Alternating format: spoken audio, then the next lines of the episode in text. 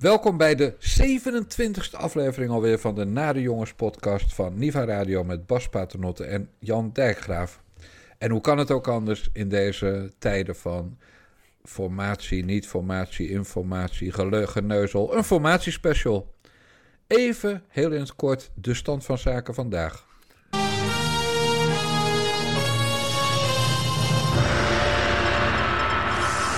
Goedenavond. En we zijn weer terug bij af. Na maanden van gesprekken over een nieuw kabinet ging het vandaag opnieuw alleen maar over wie met wie wil regeren. Of liever gezegd, wie niet met wie. VVD en CDA wijzen PvdA en GroenLinks af als die elkaar blijven vasthouden. D66 weigert door te gaan met de ChristenUnie. Het werd duidelijk in gesprekken met informateur Hamer, die niet al te lang duurden. Ja, uh, zij willen dat gesprek over de inhoud uh, niet met ons aangaan. Ik vind dat uh, spijtig, vooral omdat Nederland ja, echt wel zit te wachten op oplossingen. En ja, die raken een beetje uit het zicht. Nou, Bas, kort samengevat, die niet met die, die niet met die, die niet met die. En hoe nu verder? Nou ja, wij zaten met onze vergelijkingen uh, er dus naast dat het kabinet op de oude voet uh, zou doorgaan. Uh, verder is iedereen elkaar de moeder aan het, aan het blokkeren. De VVD en CDA weigeren te praten met GroenLinks en PvdA.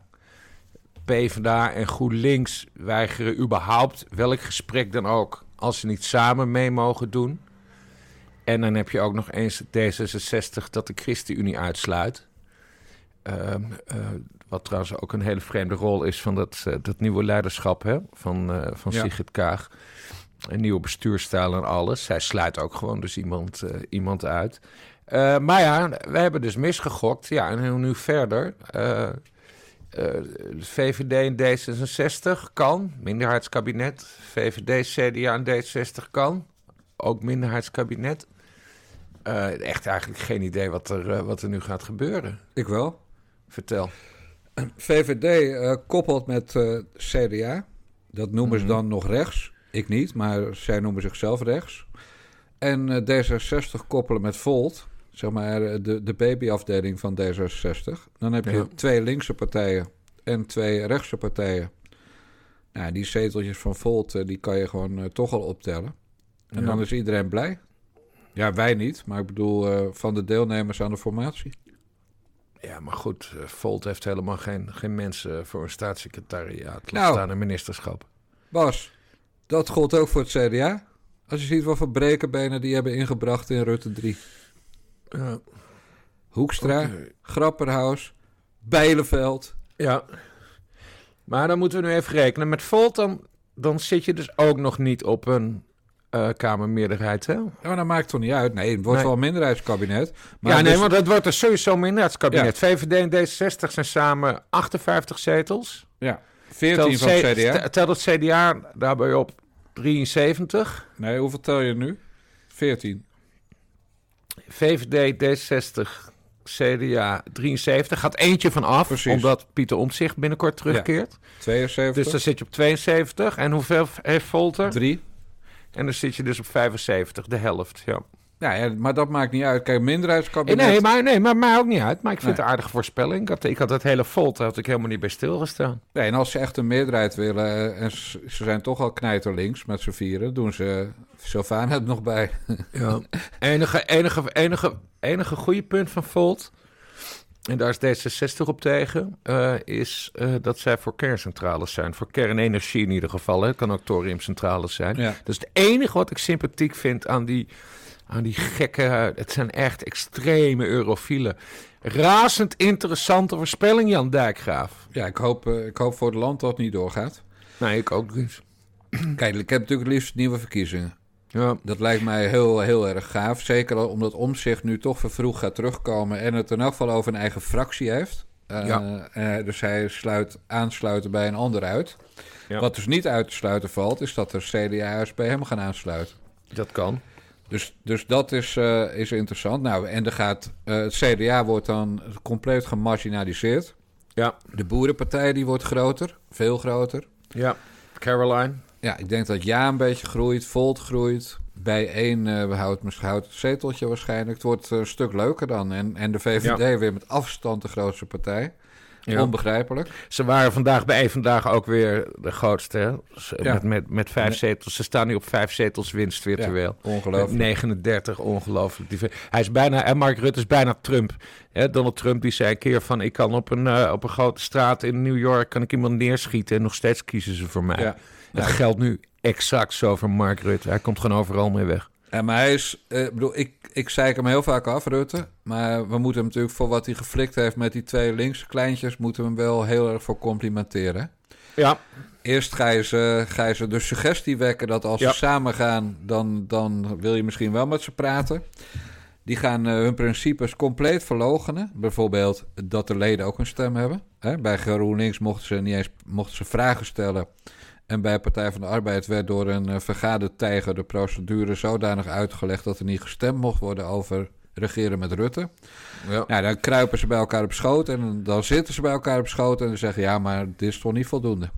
Gaan Nee. we niet doen, jongens. Dus Nee. geniaal gedaan. Hij had het vorige week over. Ja, het, het, is, het is een Machiavellist ook gewoon. En hij heeft er ook waarschijnlijk extreem veel lol in. Hij is nu eh, in Parijs. Hij is op bezoek bij eh, eh, le président Macron. Eh, de president van, eh, van de Vijfde Republiek Frankrijk. Eh, maar ja, die zit natuurlijk in de auto of in het vliegtuig. Zit natuurlijk de hele dag al te lachen. Dat kan niet anders. Die heeft, zoals wij dat zeggen, een klein stijfje. Een klein stijfje. Zo heet dat toch, of niet? Ja, een klein stijfje. Nou ja, jij en ik hebben geen kleine stijfjes. Nee, maar, goed. zo- nou, de, mens, de, mens, de mensen. Goed, en we zijn op het niveau van de nare jongens. Nou, als het daar toch over gaat, dan maar meteen Jesse Klaver. Ja. Die eh is over, hebben wij het steeds voorspeld. Als hij niet minister wordt, is het over met hem. Ja, en hij, stuurde vandaag nog een mail naar eh, alle leden en de activisten. Ik ben ook activist, ik kan je daar gewoon voor aanmelden. En dan kom je op die hele nieuwsbrieventoestand. En hij zegt, eh, nou ja, allemaal heel erg kut. En, eh, ze durft het niet met ons aan. En een lafbekken. En, maar ik blijf de Partij van de Arbeid vasthouden. Nou ja, ik moet nog even zien hoe lang dat, hoe lang dat goed blijft. Want ja, het is de zoveelste keer dat GroenLinks weer totaal geen uitzicht heeft op, op eh regeerverantwoordelijkheid. En het is weder, wederom de schuld van Jesse Klaver. Ja, maar we konden bij die piepstemming... Nee, nee, maar als, als Jesse Klaver namelijk niet dit bondje had gesloten, gesloten met Ja. de PvdA... dan had hij misschien, als hij het slim had gespeeld... maar ja, Jesse Klaver en niet slim spelen... ja, dan had hij misschien alsnog via een zijdeur... eh, regeringsverantwoordelijkheid kunnen nemen. Ja, en dan is het weer heel knap... want dan ben je de eerste GroenLinkser... eh, die je partij in de, in de regering helpt. Maar ja, die kans heeft hij dus vergooid... door met, met Ploem op de foto te gaan en deze weg te willen volgen. Ja, nee, maar er zit niks anders op. Iemand gaat op een gegeven moment binnen die partij zeggen van... eh, het wordt nu toch wel heel erg tijd voor, eh, ook bij ons nieuw leiderschap. Nou ja, en dat wordt dan dus Corine Ellemeet, maar daar hadden we het vorige week Ja. ook al over gehad. Ja, Hey, maar Rutte sloot nadrukkelijk weer niet uit om met een van die twee linksen te gaan, eh, gaan regeren. En toen zei hij eigenlijk dat de PvdA linkser was dan GroenLinks. Dus, Ja. eh, dus hij suggereerde dat dat dan Klaver moet zijn. Die piepstem van NRC, Tom-Jan Meers, ja, die schreef zaterdag ook dat Klaver zich er toch had laten inluizen. Door die, dat bondje met de PvdA. Mm. Dat hij, dat hij dat eigenlijk zelf helemaal niet wilde, zou hij intern hebben laten horen. ja, ja. Eh, dus, dus Klaver zou nog wel terug kunnen krabbelen, of niet? Ja, nee, maar dan, maar dan moet hij dus breken met de PvdA. Ja, ja. En, en ze hebben dat zo stevig uitgesproken. Ja, dan, dan wordt hij dubbel ongeloofwaardig. Bas, in het landsbelang. Ja, Ja, In het landsbelang, in het landsbelang. Eh, is, eh, daar, daar kan Sigrid Kaag mee wegkomen. Hè? Mocht ze zeggen van, ik, eh, oké, we doen het dan toch maar met de ChristenUnie in het kader van het landsbelang. Jesse Klaver komt daar niet mee weg. Die, dat, overduidelijk gepruts. Het is gewoon, het is gewoon gepruts. En ja, en daar, daar wordt hij in zijn eigen partij op afgerekend. wie heeft het goed gespeeld allemaal? Rutte dus. Nou, Mark Rutte en, eh, en eh, de- wopster, de wopper. Ja, die houdt zich een beetje op de vlakte, maar die zit weer te wachten op 11 september. Daar zit Mark Rutte trouwens ook op te wachten. De ledenraad. Dan is die, eh, die ledenraad of congres dat hoofdzakelijk in de tekens zal staan van, van hoe ze met Pieter Omzicht zijn, zijn omgegaan. En ja, misschien kikken ze, kikken ze Wopke Hoekstra er dan ook wel uit. Dus dan wordt Uitgesloten. Dan wordt het weer een heel ander ballgame. Maar ja, het CDA kennende is wel bestuurspartij. Eh, dan maar gokken dat ze dan toch maar meedoen. Want in de peilingen doen ze het heel slecht. Dus het CDA zit sowieso niet te wachten op nieuwe verkiezingen. Nee, als er een, uh, een motie bij het CDA wordt ingediend en aangenomen van het bestuur moet zijn uiterste best doen om zich terug te halen, is dat nog een optie? Nou ja, uh, iemand kan zijn motie indienen en die kan worden aangenomen. Maar ik acht de kans uitgesloten dat omzicht uh, nog terugkeert. Want? Hij, hij, gaat, hij gaat de 17e uh, hij zou eerst op de 24e de natie toespreken op een, op een bijeenkomst. Die ik, nu, die ik echt steeds vergeet welke het was. Maar ja. dat kwam omdat ze een eigen persbericht uh, hebben verwijderd. Maar hij gaat er wel naartoe, zei hij, want ik heb hem gesproken. Maar de 17e uh, zit in ieder geval bij de Bali in Amsterdam. En jij bent ook wel in de Bali geweest en daar komen alle journalisten. En daar gaat hij dan een verhaal houden over zijn toekomst. En hij gaat er niet zeggen van ik keer terug naar het CDA. Dat kan ik me niet voorstellen. Tenzij dat CDA dat massaal roept. Ik bedoel, is dat dan geen optie? Want zijn vrouw is ook nog lid. Why not? Nee, de, de, de redder van de, van de partij. Nee, ik zou het ook niet, ik kan me ook niet voorstellen. Nee, ja. maar gaat het niet doen? Ja, dan moeten ze een, dan moeten ze een partijleider Ja, maken. tuurlijk. En, eh, maar geen idee of, hoe, of dat überhaupt nog kan nu. Hè? Want hij is officieel. eh, hij is al weg bij het. Hij is niet eens lid meer. Dus, Nee, dat dus- klopt. Maar je kan toch ook weer terugkomen Ja. als lid? Eh, Ja. Ik, ja, ik bedoel... Nou het- ja, het is- het is- we- ik, zou, ik zou er bij de, bij de gok, hoe heet het? De gokwinkel. De, de Ledbrokes. De, de Ledbrokes. Komen we straks nog op. Ik zou er niet, ik zou er niet te veel geld op inzetten dat eh, Pieter Omtzigt terugkeert naar het CDA. Nee, de positie van Kaag dan. Heeft hij het goed gespeeld? Tot nu toe. Nou, eh, ze gaat wel eh, op exact het juiste moment naar het Op buitenland. Ja, En ja, jezus, nee, maar goed, hè, ik noemde net het rijtje op van iedereen wie wie blokkeert. Ja, zij blokkeert gewoon de ChristenUnie.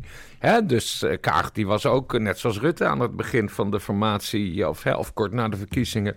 Ja, we moeten zo snel mogelijk een stevig kabinet krijgen, want we zitten midden in een pandemie en we staan voor enorme grote uitdagingen.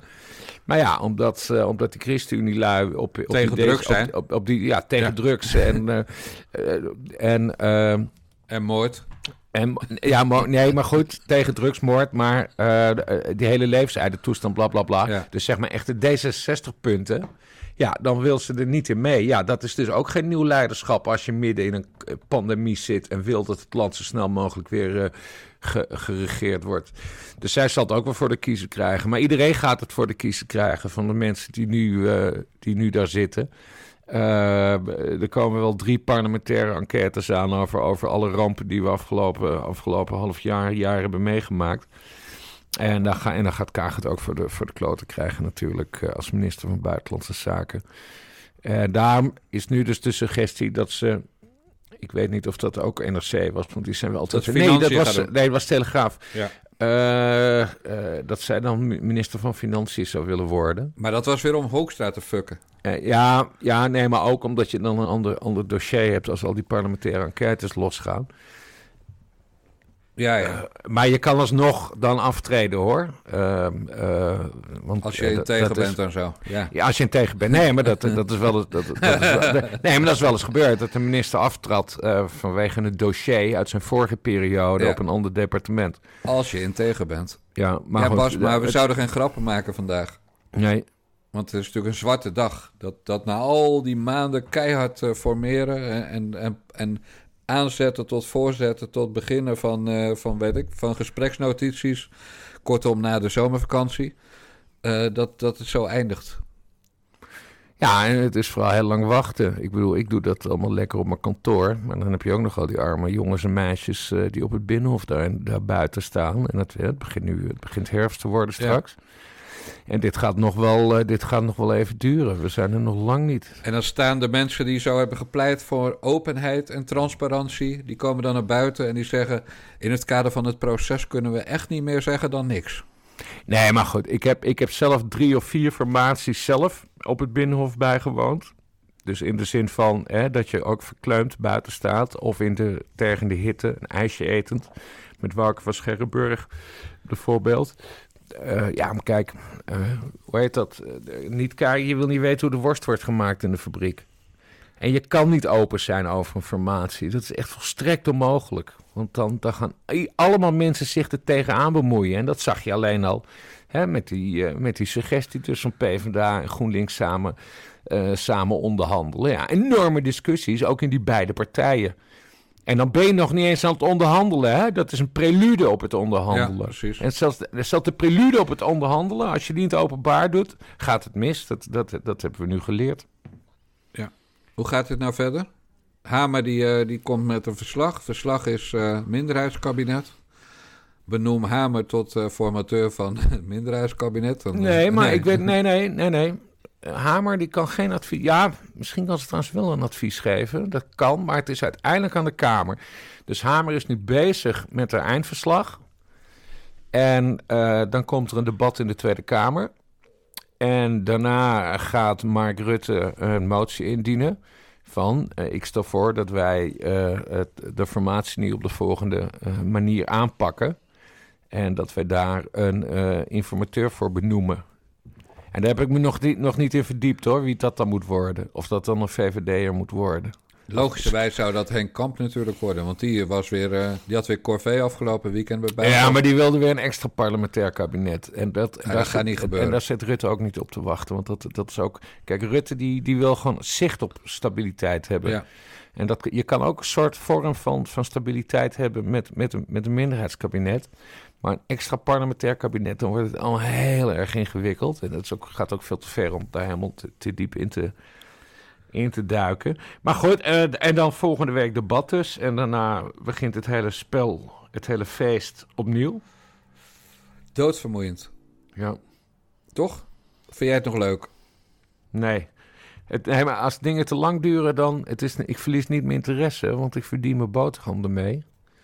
Maar ik vind het gewoon zo tragisch dat het... zo- je wil geen België worden. Dat duurt een... ehm, dat duurde de laatste formatie, of en de laatste formatie, 550 dagen of zo. Ja, Ja. kom op. Dat, dan kun je ook geen stukjes meer tikken.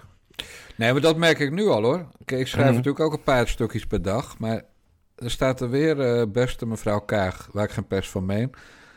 Dus er staat geen beste, er staat mevrouw Kaag en weer Rutte. Dan eh, briefje aan Mark Rutte, 32. Briefje aan eh, Sigrid Kaag, nummer 20. Briefje aan Hugo de Jonge, 480 ongeveer. Ik word er doodziek van, van die lui. Ja. Ik wil nieuwe gezichten hebben.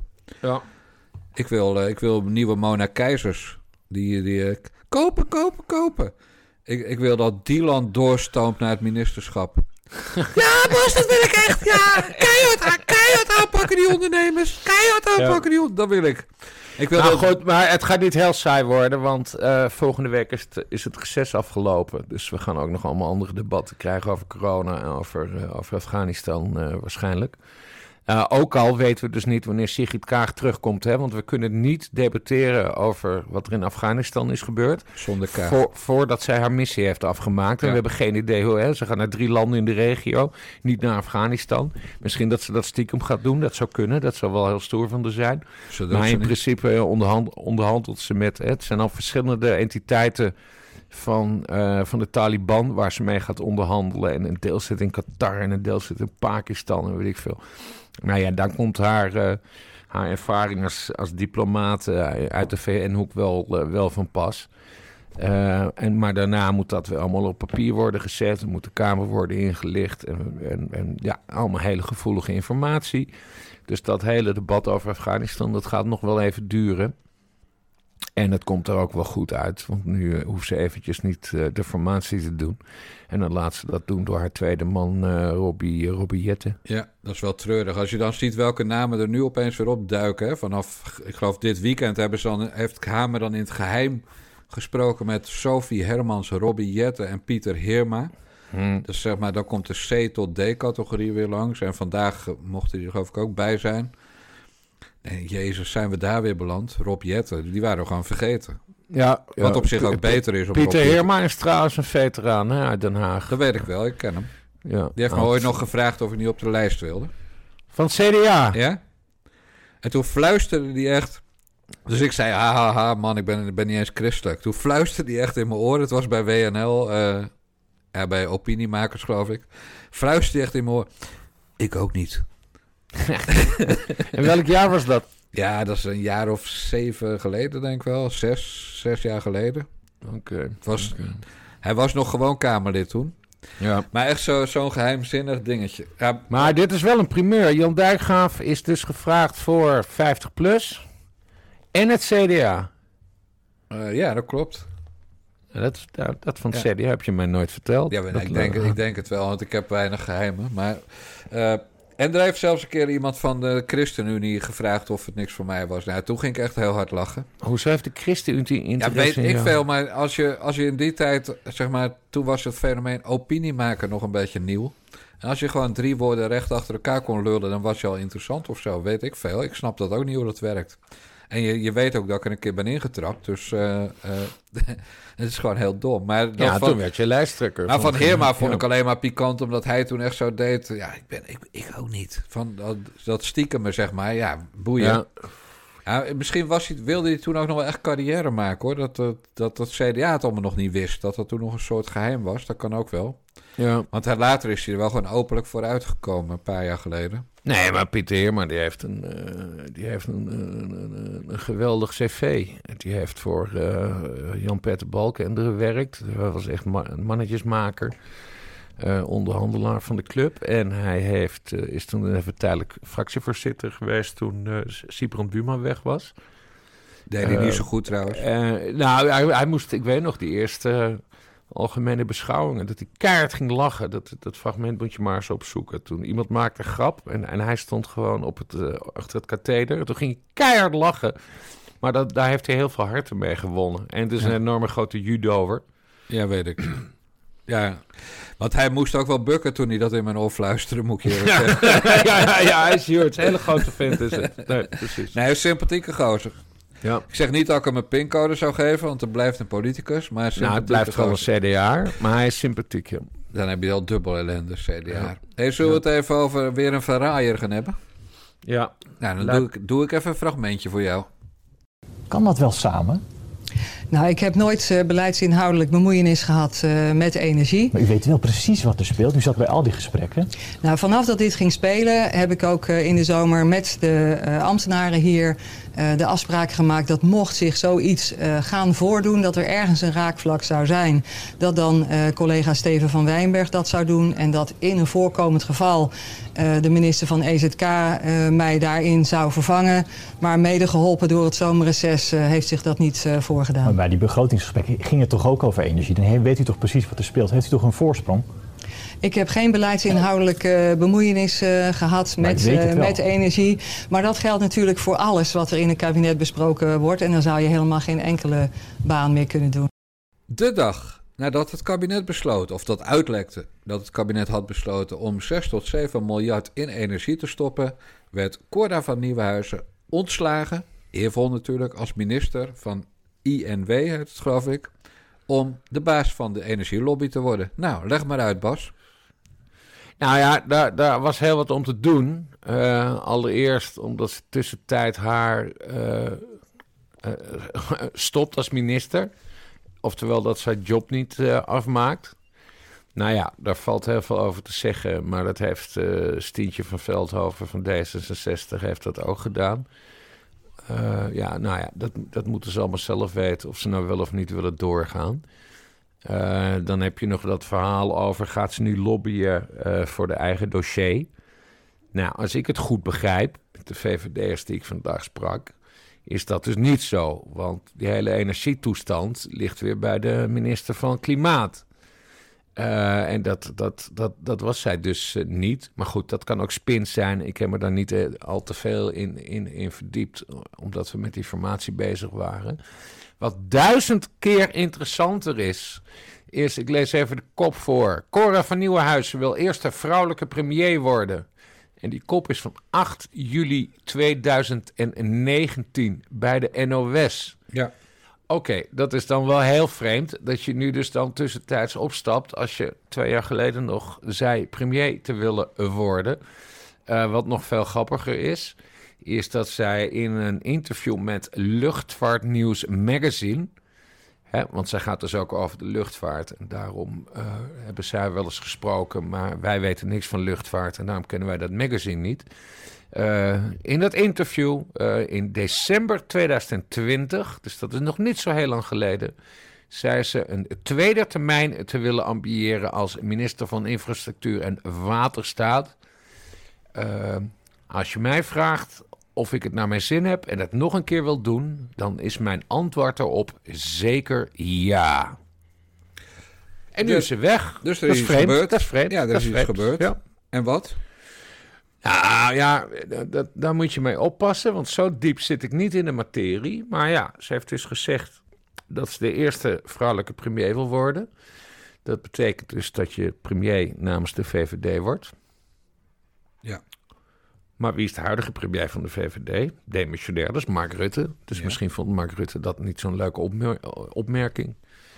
En aangezien Mark Rutte bijna al zijn oude vrienden het kabinet heeft uitgeduwd, dan wel geloosd, dan wel dat ze eh, vrijwillig zijn weggegaan, ja, dan zou je dat in dat lijntje kunnen passen.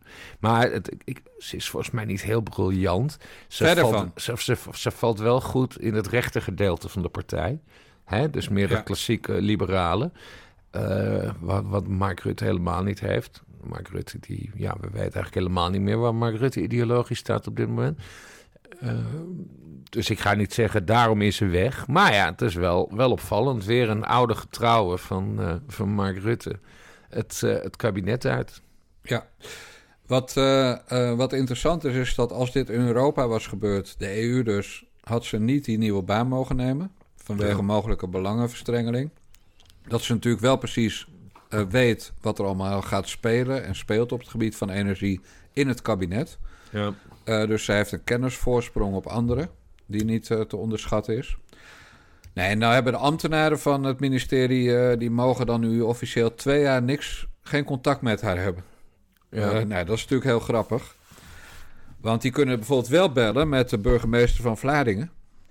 En tegen de burgemeester van Vlaardingen allemaal dingen vertellen over eh, eh, op het belang van energie. Die interessant zijn voor de lobbyisten Cora van Nieuwenhuizen. ja, want dat is haar echtgenoot. Precies. En die kan dan s'avonds aan de, aan de eettafel kan die zeggen... Nou, Cora, wat ik nou toch gehoord heb... Nou, en dan is het opeens helemaal in de haak. Ja, daar las je vandaag ook nog wat over. Hè? Over, dat, over dat vermeende lobbyverbod dat er zou zijn. Eh, bij het aantreden van eh, het laatste kabinet, dus dit, zeg maar dit kabinet Rutte, toen is er afgesproken, we gaan een lobbyverbod invoeren. Dus dat is 2017. En eh, begin 2020 is dat voorstel, want het, het was volgens mij nog niet helemaal concreet, is dat helemaal van de agenda gehaald. Maar als je dan helemaal terugleest, eh, als je een pers, persconferentie in één val, ik heb beelden gezien vandaag. Eh, de bedoeling was van, we zijn voor een, een lobbyverbod voor oud-ministers. Eh, dus die befaamde afkoelperiode. Ja. Maar dat hoeft niet te gelden eh, als ze gaan lobbyen voor een andere branche dan waar hun ministerie verantwoordelijk voor was. Dus dat had die slimme Mark Rutte natuurlijk ook al ingebouwd. Ja. Maar, Maar dat van die ambtenaren, dat klopt wel. Ja. Maar ja, goed, ja, dan moeten ze dus haar man maar even bellen. Maar zij is ook nog een paar dagen, geloof ik, minister van eh, de minister geweest die wel over energie gingen. Ja, ja, ja want ze, heeft toen vijf dagen heeft ze, Precies. heeft ze dat gekke mannetje opgevolgd. Die is namelijk altijd vergeten. Wiebes. Eh, eh, Erik Wiebes. Ja, dus formeel. En, en daar zegt zij zelf over van ja, maar ik ben. En, en dat geloof ik wel hoor. Want het zijn best wel drukke banen die die mensen hebben. En het, het was een tussenoplossing. Zegt ze ja, ik ben, ik, ben, ik ben niet eens op dat ministerie langs geweest. Ook al vraag ik mij nu af, zitten ze niet in hetzelfde gebouw? Dat Dat zouden we dan moeten uitzoeken. Ja, dat- maar dat, eh, dat ja, gaan wij allemaal misschien op dezelfde gang zelfs. ja. Research is voor de publieke omroep, Bas. Dat Ja, nee, dat is waar. de wij, zijn de nare jongens. Fuck research. Precies, maar fuck, fuck ook Cora van Nieuwenhuizen, de zoveelste die afhaakt. En fuck vooral dat hele systeem, dat ze in een demissionaire periode van Nieuwenhuizen gaat weg. Barbara Visser kan haar plaats wel nemen, want Ank Beideveld heeft toch tijd zat op justitie om die portefeuille van Visser erbij te doen. Defensie, ja. Bijleveld, Defensie, sorry. Ja, ja. Dus eh, dat, die carousel die aan de gang is tijdens die demissionaire periode, die is, die is te gênant voor woorden. En dan speelt Ja. ook nog die, die Ja. drie, eh, die eigenlijk Kamerlid en nieuwbakken eh, minister of staatssecretaris zijn geworden. ja. Wat Vera Bergkamp dan weer alweer aan het witwassen is voor het advies van de Raad van State binnen is. Ja, je merkt, Ja. Bas, ik ben bij deze week. Ja, heel goed, heel Ja, goed. Maar, ja. maar er zit ook een dubbelheid in. Hè? Want de ene, aan de ene kant eh, klagen mensen Eh, het, kabinet, eh, het, het, kabinet doet veel te veel dingen uh, terwijl ze in de demissionaire status zitten.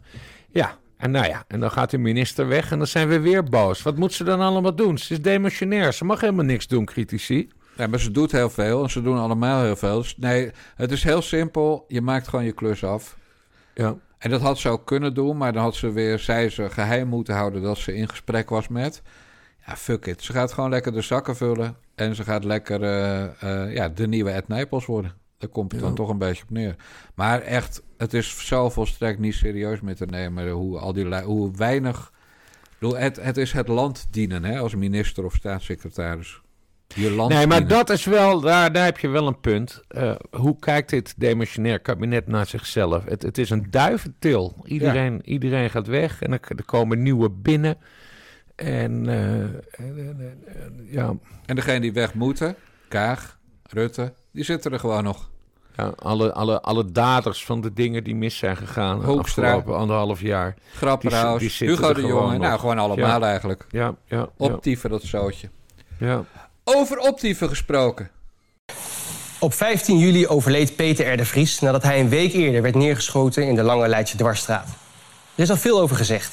Peter was misdaadverslaggever, maar zoveel meer dan dat. Hij was vertrouwenspersoon, luis in de pels, Ajaxiet, wielrenner, vriend, partner en vooral, en dat stond ook bovenaan zijn rouwadvertentie, vader van Kelly en Royce.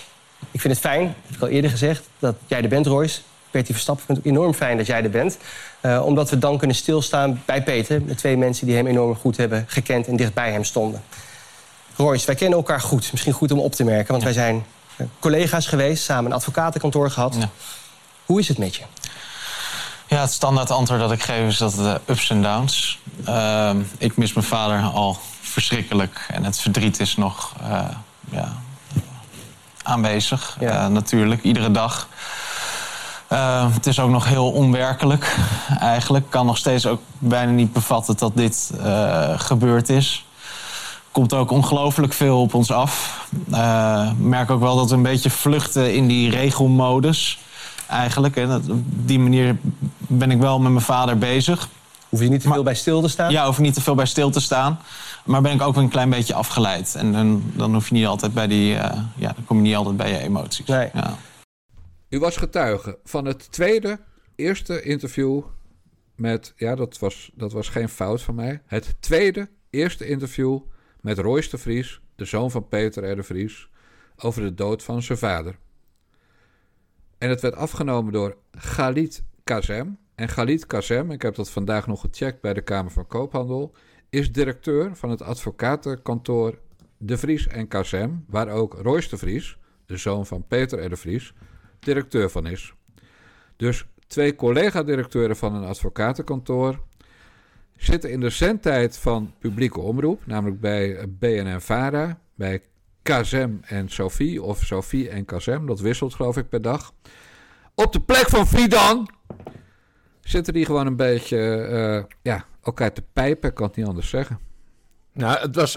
ga ik eerst een grapje maken bij dit, verder serieus onderwerp. Het was wel urgent deze keer. Uh, nee, helemaal niet.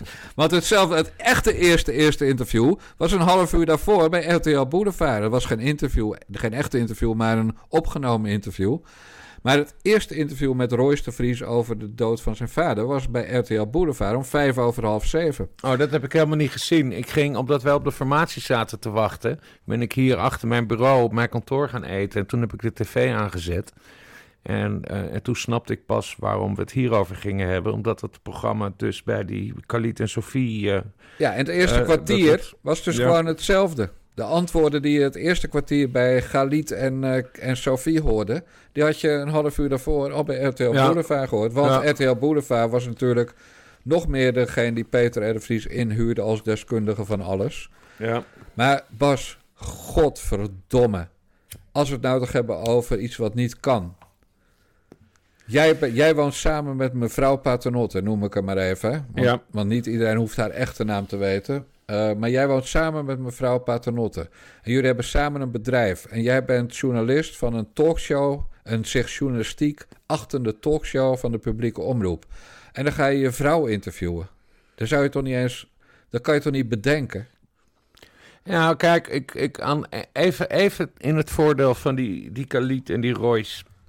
Het, je hoort natuurlijk meer dingen op zo'n moment. Hè? En ik hoorde iets over dat, dat, dat Peter de Vries nog een, een brief voor zijn kinderen en zijn, en zijn vriendin en zijn ex-vrouw had geschreven. Die die ook had geüpdate. Mocht mij iets overkomen.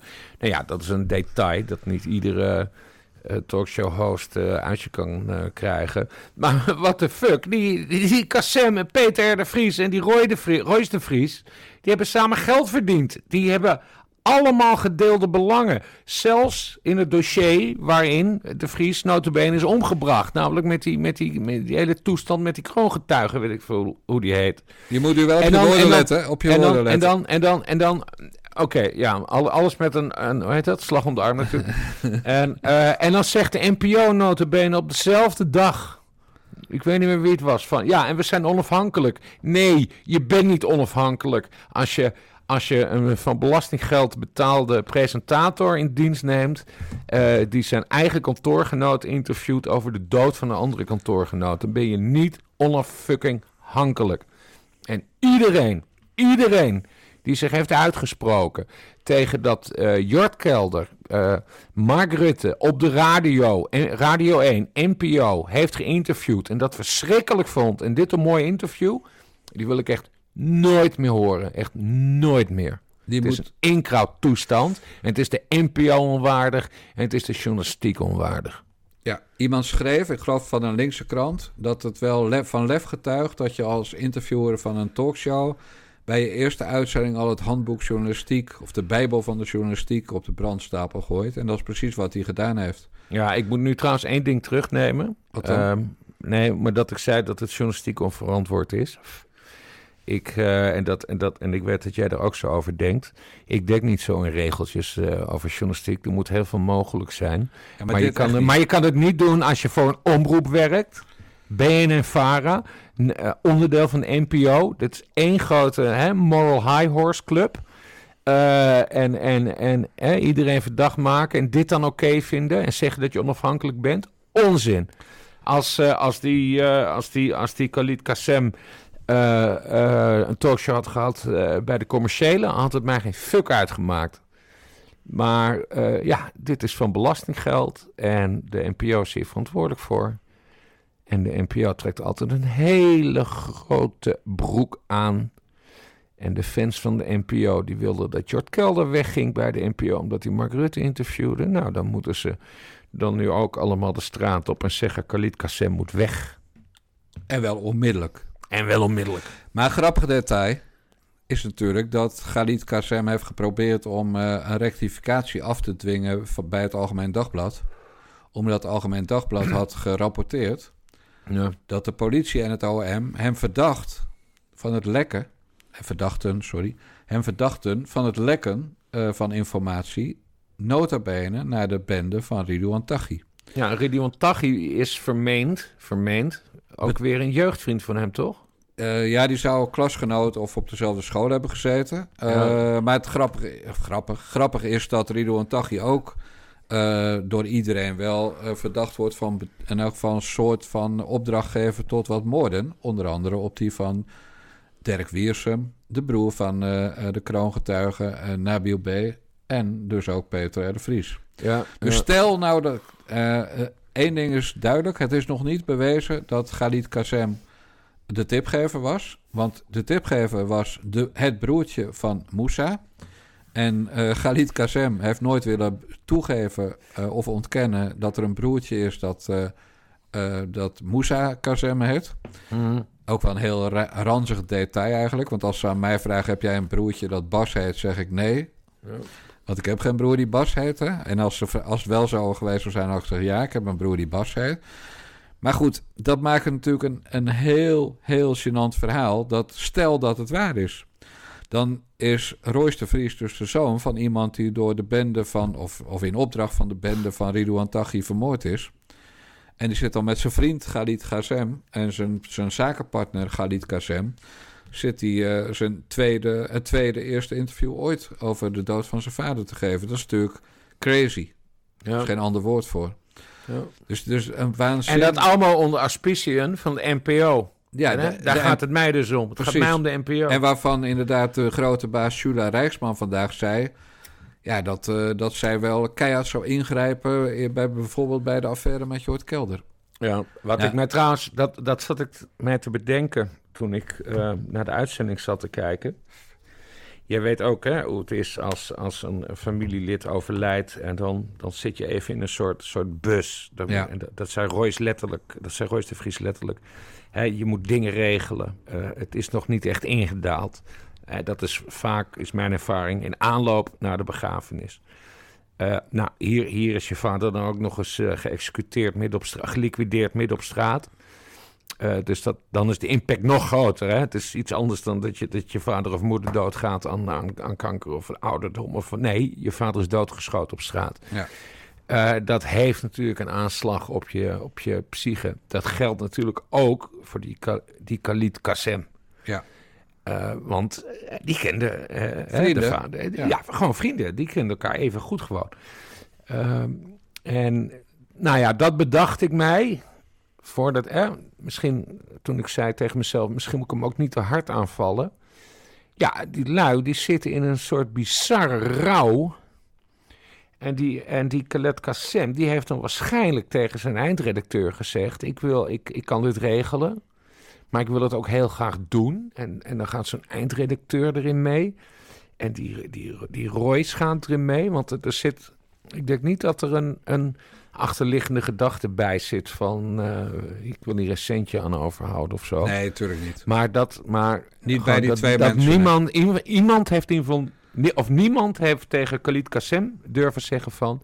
eh, dit is niet in de haak dat we het op deze manier eh, aanpakken. Nee, wat zo'n gast van de VARA, zo'n eindredacteur... en die is natuurlijk van een productiemaatschappij... Hè, die hebben de, eer- de eerste dag hadden ze Sophie met 566.000 kijkers... wat gewoon ruk is Ja. voor de eerste avond van een nieuwe talkshow. Maar zo'n eindredacteur had moeten zeggen... nou, het is natuurlijk goud voor mijn kijkcijfers... als wij in de tweede aflevering en jouw eerste Galit als we Royce hebben. Goud.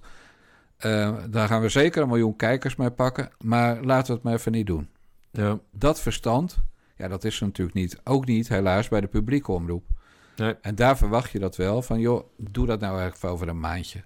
Ja. dat- want hij had, kijk, daar ben ik dan ook eerlijk in. Het was natuurlijk best interessant om te weten dat Peter R. de Vries van zijn tweede tot zijn achttiende jaar alles over voetbal en Royce de Vries had bijgehouden en hem dan een boekje geeft op zijn verjaardag. Hartstikke leuk, weet je. En zo waren er wel meer dingen die best interessant waren om te weten. Eh, het was dus allemaal inhoudelijk niet zo ranzig als zijn vriendin, die, eh, die terwijl, eh, zeg maar, ja, terwijl hij net dood was, twee dagen, een groot Volkskrant-interview gaf. En, en dan wel van achter gefotografeerd, zodat we een beetje moeten raden welke visagiste nou precies de vriendin van Peter R. de Vries was. Eh, en dus dat vond ik ranziger, inhoudelijk. Maar dit hadden ze gewoon niet moeten doen. En dit, dit was, Ja. dit was zo'n deeltje van, ja, Boulevard, daar zat hij vaak. Dus die krijgt het eerste, eerste, eerste, eerste interview. En Galit is een vriendje en die debuteert en die geven een kontje. Want dan, ja, Peter eh, vond het heel belangrijk dat hij dit programma ging doen, bla, bla, bla. En Galit krijgt dan het tweede, eerste, eerste interview. Eh, maar ze hadden het gewoon niet moeten doen. Nee, En, nee. en ik weet, ik bedoel, we weten de kijkcijfers nog niet, want we nemen dit op dinsdagavond op. Ja, ik weet dat hij de miljoen wel heeft aangetikt. Ja, Dus, ja. en dus dat is wel goed vanuit commercieel oogpunt. Maar zo hoort de publieke omroep niet te redeneren. Nee, ik denk trouwens, maar dan worden we misschien te esoterisch. Maar stel dat er een hemel bestaat, dat Peter de Vries met veel plezier op zijn tv'tje naar beneden heeft eh, gekeken. Want dit is natuurlijk. eh, ja, nee, ik moet wel deftig blijven. Nee, maar goed, Peter de Vries die was gek op media-aandacht. Ja. Ik, denk dat, hij- ik denk dat hij heel trots zou zijn geweest op, eh, op zijn zoon. Nou, en dat, hoe hij het vertelde. Want Ja, hij, vert- hij vertelde het ook wel goed verder. ja hoor, die jongen, die jongen deed het allemaal keurig. Dus ik, ik vind het lul, maar ik zal hem niks verwijten. Eh, op dit gebied. Nee, dit was, waren gewoon eh, eh, mooie, integere dingen die hij zei. En kijk, laten we eerlijk zijn. ik zie liever Royce de Vries, die het gewoon over zijn vader heeft, dan dat ik elke dag word geconfronteerd met de Diederik Gommers van de, van de misdaadwereld, van de Ja. advocatenwereld, die, die vreselijke Peter Schouten. Ja. Die nu Ja. overal die dikke worstvingers van tussen zit te stoppen. En die, die echt denkt dat hij Jezus is ongeveer. Ja, zullen we dan ook Jinek even meenemen? Heb je die gezien? Met, eh, John, met John, John van de Heuvel? Ik heb strafregels geschreven in mijn briefje van, of nee, in mijn toetje van Jan. Oké. Heb ik strafregels geschreven over zondagavond Jinek met John van der Heuvel.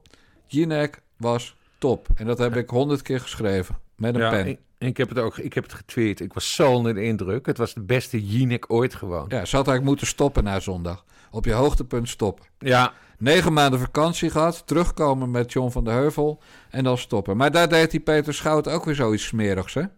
ja hij, viel, eh, Van der Heuvel aan. hij viel van de heuvel Ja. aan. Terwijl van de heuvel gewoon echt gewoon de onderkant van zijn hart had leeggegooid. Of ik hoe je dat noemt. Ja, Van zijn ziel. Ontzettend openhartig en ging die schouten er weer overheen. ja vreselijke man. Maar dat is, ik denk dat, dat is een overeenkomst met waar we net over hadden. Dat is toch een soort rouwpsychose. Dat, dat, dat het voor sommige mensen dan toch te vroeg is.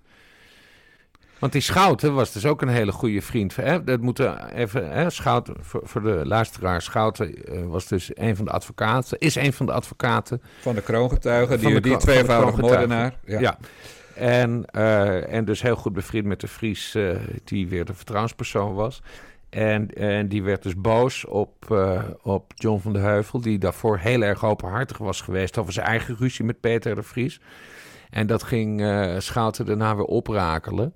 Ja, dat is toch een soort rouwpsychose. Zou, zou, ja.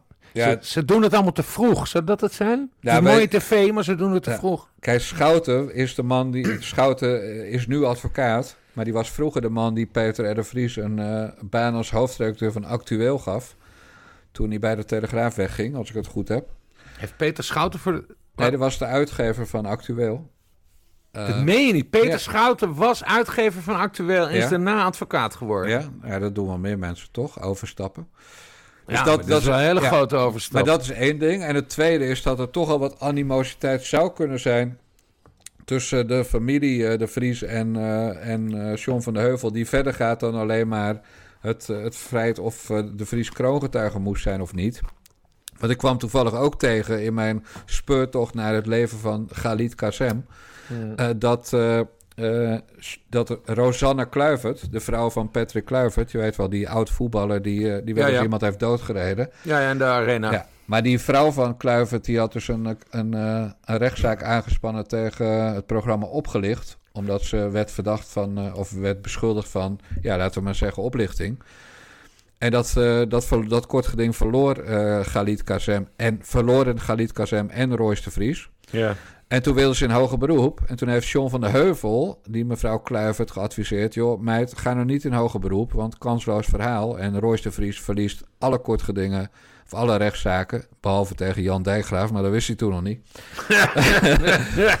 maar eh, dus Rosanne Kluivert heeft toen geen hoger beroep aangetekend... waardoor eh Galit Kazem en Royce de Vries weer een minnetje konden noteren... van een verloren rechtszaak. Eh, net als ze trouwens verloren met Bridget Maasland... Ik geloof tegen privé toen, over dat, dat hij met de broek op de enkels door André Hazes genomen werd in het fietshok. Of zoiets. En Bridget Maasland, die werkt ook weer voor RTL Boulevard. Ja, het is één grote vieze Ja, maar al die petten, ik snap, ik snap niet dat ze al die petten zo als een carousel over hun eigen hoofd laten gaan. Dat vind ik wel heel apart. Dat bedoel ik, Bas. Nu het toch over mutsen gaat. De volgende mevrouw. Ja, ik sta natuurlijk wel een beetje bekend. Zeker aan het begin was het eigenlijk alleen maar grawinfluencer of grawin Eloïse van Oranje. En het is wel wie ik ben, maar ik wil meer laten zien dan dat. En ik wil laten zien dat ik dus meer lagen heb. Word je veel op straat herkend? Ja, de laatste tijd echt best wel vaak. En Iedereen heeft natuurlijk te maken met als je jezelf wil zijn met vooroordelen. Ja. Wat zijn de vooroordelen waar jij tegenaan loopt? Ik heb wel inderdaad gewoon dat als ik mensen tegenkom, dat ze zeggen van... oh, ik had je niet zo open en lief verwacht of zo. Of ik had wel een beetje misschien verwacht dat je een beetje arrogant zou zijn. Ja. Ik vind het niet erg dat ze er zijn, maar ik hoop gewoon dat mensen ook hierdoor een andere laag van me zien. Met bijna 300.000 volgers op de teller is Eloïse een heuse hitsensatie. Op de gram is ze vaak behoorlijk openhartig. Heb je al een keer met iemand gezoend? Ja, dat heb ik. Jij hebt het natuurlijk meegekregen. Er zit weer eentje van die oranjes in de handel. Namelijk gravin Eloïse. dochter van eh, prins Constantijn en prinses Petra. Ja. Ze heeft helaas... Prinses Petra, nee, onderbreek je toch even, want we zijn toch uh, sleaze en dirt aan het doen. Prinses Petra is de dochter van uh, Laurens Jan Brinkhorst. Van wie velen ooit het vermoeden hadden dat hij uh, niet alleen het bed met mevrouw Brinkhorst deelde, maar ook met een zekere koningin. Ja, uh, Laurens Jan Brinkhorst, die uh, kende, uh, kent de lieve prinses Beatrix uit een studietijd. Maar het is volgens mij nooit bewezen dat ze daadwerkelijk ook de sponde hebben gedeeld. Nee, dat zag ik ook niet. Velen hadden het idee dat. Ja, nee, daarom, ja. ja. nee, precies. maar het is toch een, Wij houden een slag om de arm. Altijd. In dit geval wel handig. Maar goed, er was toen ook geen mediacode en er zijn inderdaad geen foto's gemaakt. Dus het zou ook kunnen dat het niet waar is. Ja. Bovendien, die man die kneep altijd zo zijn ogen toe dat hij toch niet zag wie er in zijn nest lag.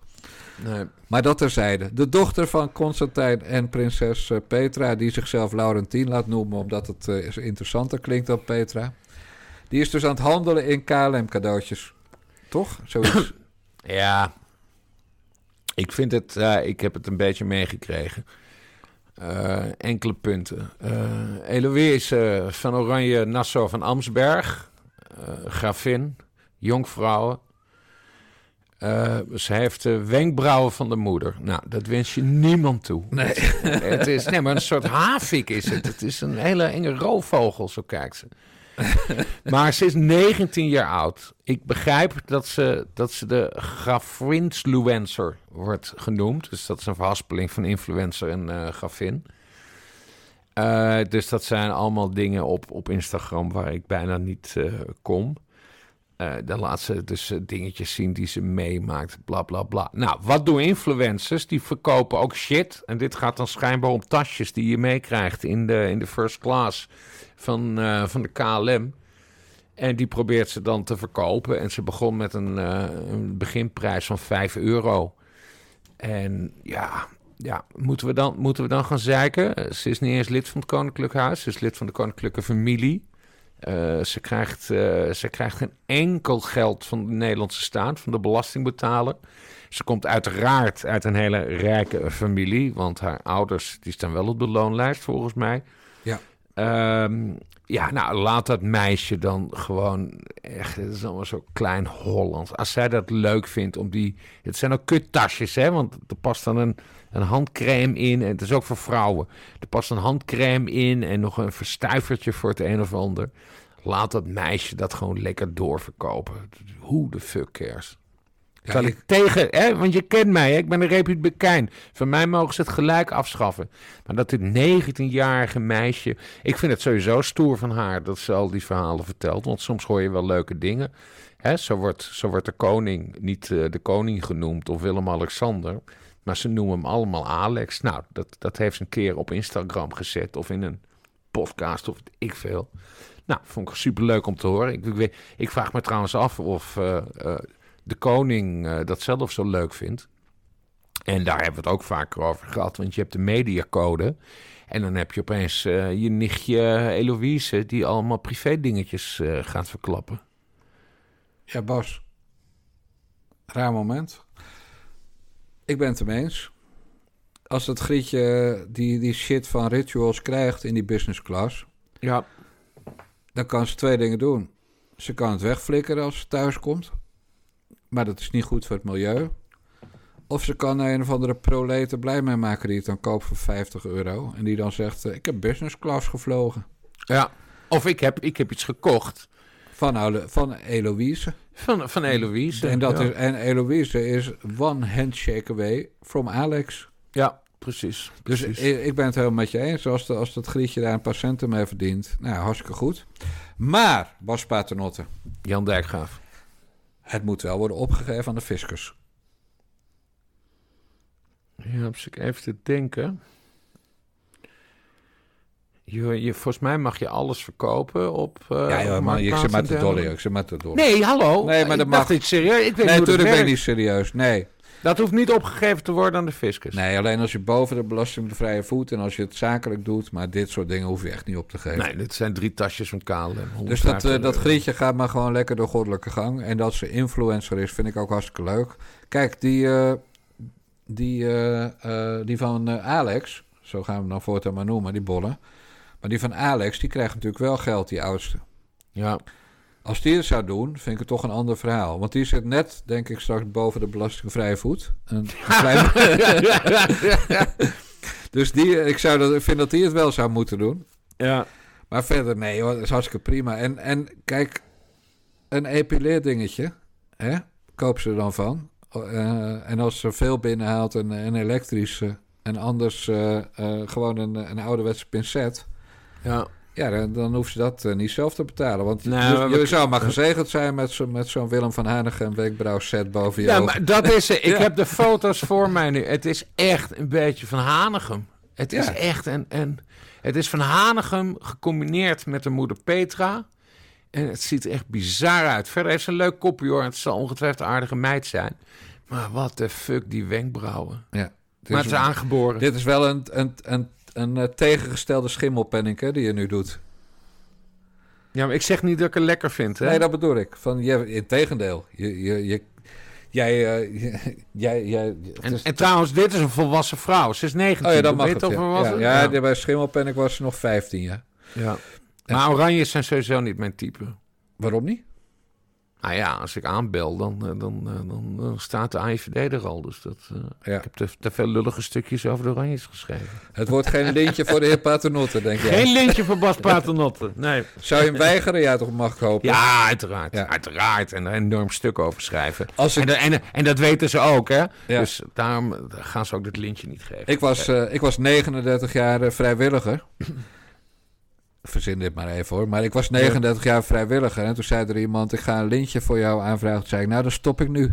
Ja. Want dan, dan moet je toch echt niet hebben dat die lui met een lintje gaan komen. Maar goed, ik ben er ook niet bang voor. Nou, het, het, het- op zich, hè, de, de koning is dan het hoofd van de, van, van de, van de orde. Maar eh, het zijn allemaal ambtenaren en burgemeesters die erover gaan. De Ja, dat koning, weet ik wel. De koning heeft geen enkele invloed op, behalve als het gaat om bekende Nederlanders. Hè, want je hebt dus ook bekende Nederlanders die een lintje krijgen. Ja. En eh, ik neem aan dat hij daar dan wel enige inspraak in heeft... of dat hij wordt geadviseerd. Volgens mij heeft Gordon zelfs een lintje gekregen. Ja, meerdere, denk ik. Hey, Ja. Maar de, het is niet zo dat de burgemeester van Utrecht jou het nest in probeert te krijgen door je een lintje te geven. Ik weet niet eens wat je hier probeert te suggereren. Nee, nee, ik stel gewoon een. Nou ja, Sharon Dijksma, kom op.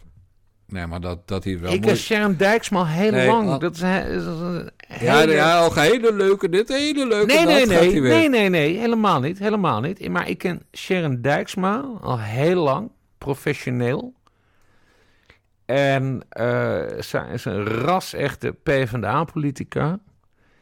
Eh, levensgevaarlijk, maar ook heel sympathiek. Maar elke suggestie over het bed, dat werp ik verre van mij. Nee, dat... eh. Ze Nou ja. valt bovendien op oudere mannen, wist je dat? Nou ja, dat ben je toch, of niet? Nee, haar man is nou veel ouder dan zij is. Dat is heel grappig. Ja, ja, moet je maar een keer googlen. Ik weet niet eens hoe die heet, maar ik kwam het, ik kwam het een keer tegen. Het staat ook gewoon op Het de website van de interesseert me ook eigenlijk geen reet. Maar ik dacht van, ja, Nee. het zou kunnen dat ze via een lintje denkt van... eh, dat worden, worden leuke avondjes met Bas Nee, helemaal niet. Helemaal. Het echt weer te ranzig dit. Gaan we Ja. eruit knippen. Nee, we knippen er helemaal niets uit. Nee, het is weer zo'n dag. Het is zeker weer zo'n dag. hey, we hebben het nu al de hele tijd over mijn specialiteiten gehad. Namelijk ranzigheid en wie het met wie doet en, eh, en noem maar, maar op. Maar nu gaan we naar jouw specialiteit. Komt hem. Voetbal. Hoe ga je spelen? Dat is een eh, weet voor mij, maar een vraag voor jou. En inderdaad, Dus vraag ik vraagt het, maar ik geef er geen antwoord op. Want ik ga eh, die Solbakken, mijn collega, niet wijzer maken dan hij al is. Hij heeft ook de laatste eh, maanden eh, drie systemen gespeeld. Dus wij weten het ook niet. Ik moet ook mijn spelers van al die informatie voorzien. En dat is eigenlijk te veel van het goede. Zeker als je maar twee dagen met elkaar bezig bent. Ja, Louis van Gaal is eh, twee dagen bondscoach voor de eerste wedstrijd die hij moet winnen tegen Noorwegen.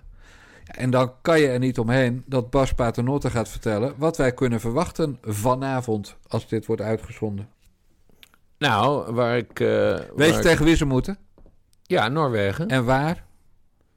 Eh, in, in, in, in, eh, de, ehm, ja, Nee, de, de, de, Koolstad, ja. ja. oh god. Straks ga je nog zeggen dat Denzel Dumfries ook weer eh, meedoet of zo. Nee, maar Denzel Dumfries doet mee, Jan Dijkgraaf. Hoe kan dat nou? Hij zat niet bij de voorlopige selectie. Nee, maar dat is het mooie. Eh, mijn held, Denzel Dumfries. eh eh, wingback. ik had hem in één keer goed. Ja, ja, Ik had hem in één keer goed. Hè, wingback, eh, die grote furoren maakte tijdens de EK. eh, eh, die had dus de eerste selectie niet gehaald. Ehm, eh, maar gaat nu wel samen met Steven Bergwijn mee. Met wie? Steven Bergwijn. Die ken ik niet. Nee, ken ik ook niet. Maar ik heb een, ik heb een, een search op, op mijn held, Denzel Dumfries. Dus dan krijg ik altijd alles binnen over Denzel. Maar er bestaat komt- geen Steven Bergwijn. En, nou, jawel. Niet?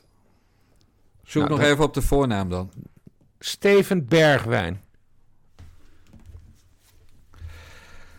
Ik, ben, eh, ik, ik heb weer één wijn op, hoor. Het is weer zover. Ja. Nee, maar zo ingewikkeld is het niet. Donny van de Beek hè, zit nu bij Manchester. Remco Pasveer, Ajax. Die zijn afgevallen. En eh, Van Gaal heeft eh, voor, de, voor de kwalificaties tegen Noorwegen, Montenegro en Turkije... eh, Denzel dus opgeroepen en, en Steven Bergwijn. Terwijl die ontbraken in de voorselectie. Oké. Dus hij gaat weer rennen langs de zijkant in jouw ogen. Eh, Denzel Dumfries die gaat weer waar iedereen eh 80 kilometer per wedstrijd aflegt, eh 280 kilometer afleggen en doelpunten maken en helemaal, helemaal de man zijn. En dat is dus eh, vandaag al, vanavond, als de luisteraar luistert. Dus dat wordt super mooi. Ja. Het grappige is dat Louis van Gaal bij zijn aanstelling al een disclaimer heeft neergelegd. Hmm. Ik ben eigenlijk een opbouwtrainer. Ik heb eigenlijk drie maanden nodig om een team eh bla bla bla bla. Kortom, als het kut gaat, heeft hij een excuus. Eigenlijk zei hij toen: Jullie hadden mij niet moeten aanstellen, want ik heb geen drie maanden. Ik heb letterlijk drie dagen. Ja. Ik vind dat niet fijn. Vind ik niet dat je zegt: Nou, we gaan met een gerust hart, eh, met nootjes erbij en een, en een wijntje, gaan we naar die wedstrijd kijken. Maar, maar goed. Maar hij, jij zegt eh, dus Denzel Dumfries gaat scoren. eh, Denzel Dumfries gaat storen, ja.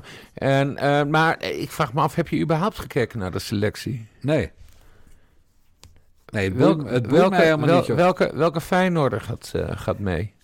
Ja, Bijlo natuurlijk, als, als keeper. En Nee. verder, hij- wel. Ja, en verder, is ja, heb, ik ge- heb ik geen idee, Bas. Want Hij speelde, hij speelde in 2018 één interland. Is daarna nooit meer opgeroepen. Mag nu mee. Ja, geen idee. Guus Til!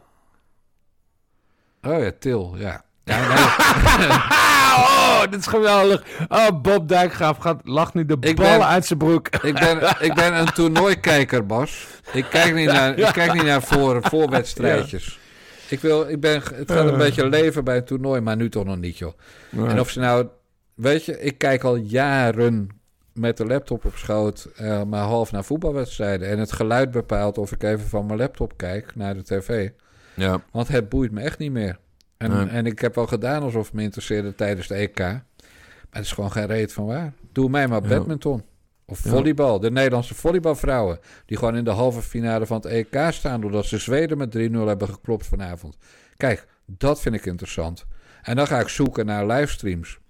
En Max Verstappen, die gewoon drie uur staat te wachten tot hij mag starten. eh, Drie rondjes achter de, de safety car en dan eh, 12,5 punt krijgt. Dat vind ik interessant. Ja. En, en het eh eh Jeu de Boel vind ik tegenwoordig heel interessant. Maar toch niet het Nederlands elftal, Bas. Hou nou toch op. Die omhooggevallen klootzakkies. Nou, het probleem is, ik ga dus ook niet kijken vanavond. Want? Eh, ik Vergadering. ben- nee, ik ben jarig. Dus ik ga met mijn eh, vrouw Oh ja, dineren. shit. Je Dus, bent jarig. eh, ja, hoe, oud word je? en 45. Nou, dan ga ik je toch alvast feliciteren. Want dit wordt uitgezonden dan zou het op 1 september. Dan zou het lullig Exact. zijn als ik jou nog niet gefeliciteerd heb. hey Bas, even terug naar het begin. Eh, welkom bij de 27e aflevering van de Nare Jongens podcast van Niva Radio met Bas Paternotte en Jan Dijkgraven. En we doen dus vanavond een formatiespecial. Maar dat doen we pas nadat we jou hebben gefeliciteerd met je, zeg het nog eens, 45ste verjaardag. 45ste verjaardag. Ja. Ik vind het knap. Zeker eh, gezien hoe je af en toe geleefd hebt als een beest.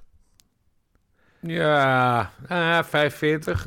Haal je de 50? Haal je de, haal je de 55? Haal je de 60? Dat is altijd de Dat vraag. is elke keer weer de vraag, dat klopt. Eh, het is altijd de vraag bij dit soort eh Wat, eh, wat, wat, jubilees. Wat, wat ga je morgenochtend voor cadeautje krijgen van mevrouw Paternotte? Eh, nee, zij, wij gaan dineren bij een eh, geliefd restaurant van mij... waarvan ik de naam niet eh, kan vertellen. Want anders komt iedereen. Ja, Ja. dan komen alle fans. Ja. En dat is een redelijk prijzig restaurant. En, eh, en zij betaalt dat dan voor mij. En neem je dan de Big Mac?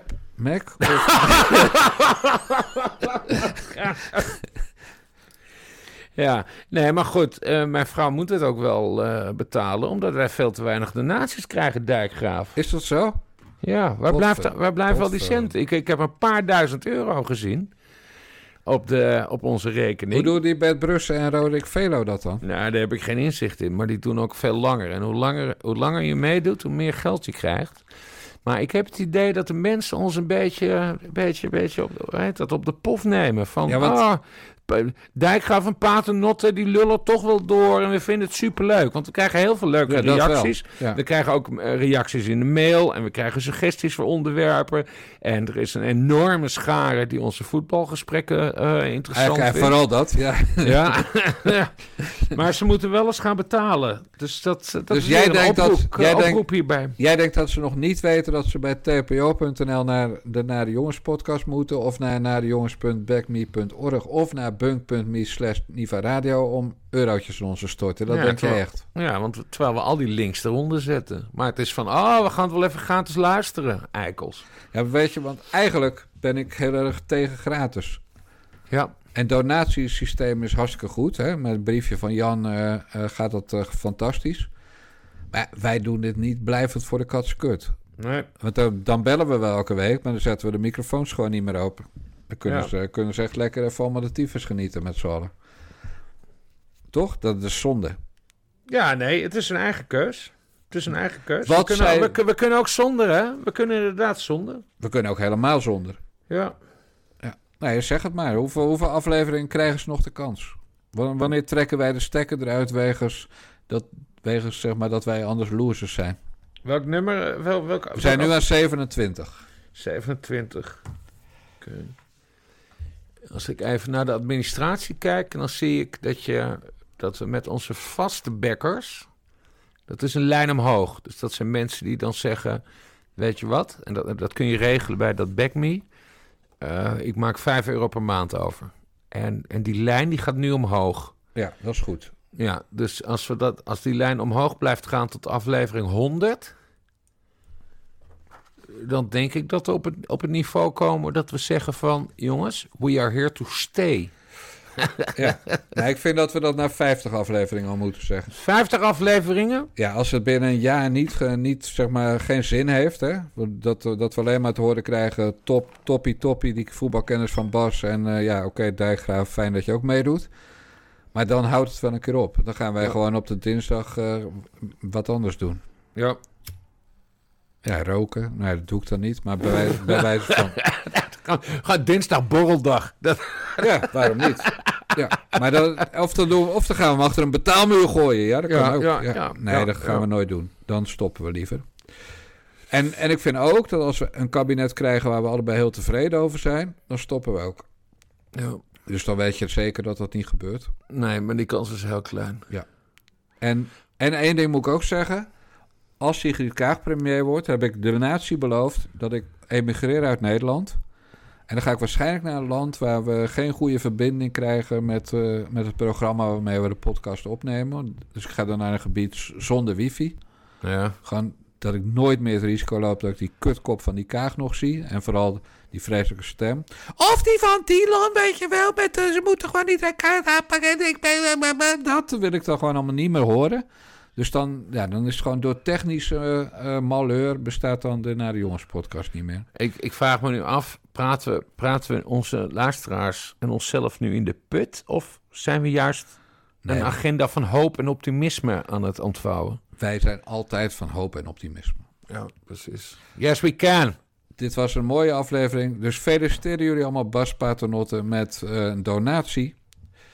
Dit was de 27e aflevering van de Nare Jongens podcast van Niva Radio. Onze website is nivaradio.nl. Doneren kan wat we net al zeiden, bij de Nade Jongens podcast op tpo.nl, via nadejongens.backme.org, dat is voor die vaste donaties, of via bunk.me slash nivaradio, en dat is voor de losse donaties. Heb je tips, wil je ons overladen met complimenten, of heb je gewoon wat te zeiken, mail dan naar die dikke koe van het redactiesecretariaat Naomi op redactie.nivaradio.nl. Of is ze niet meer dik?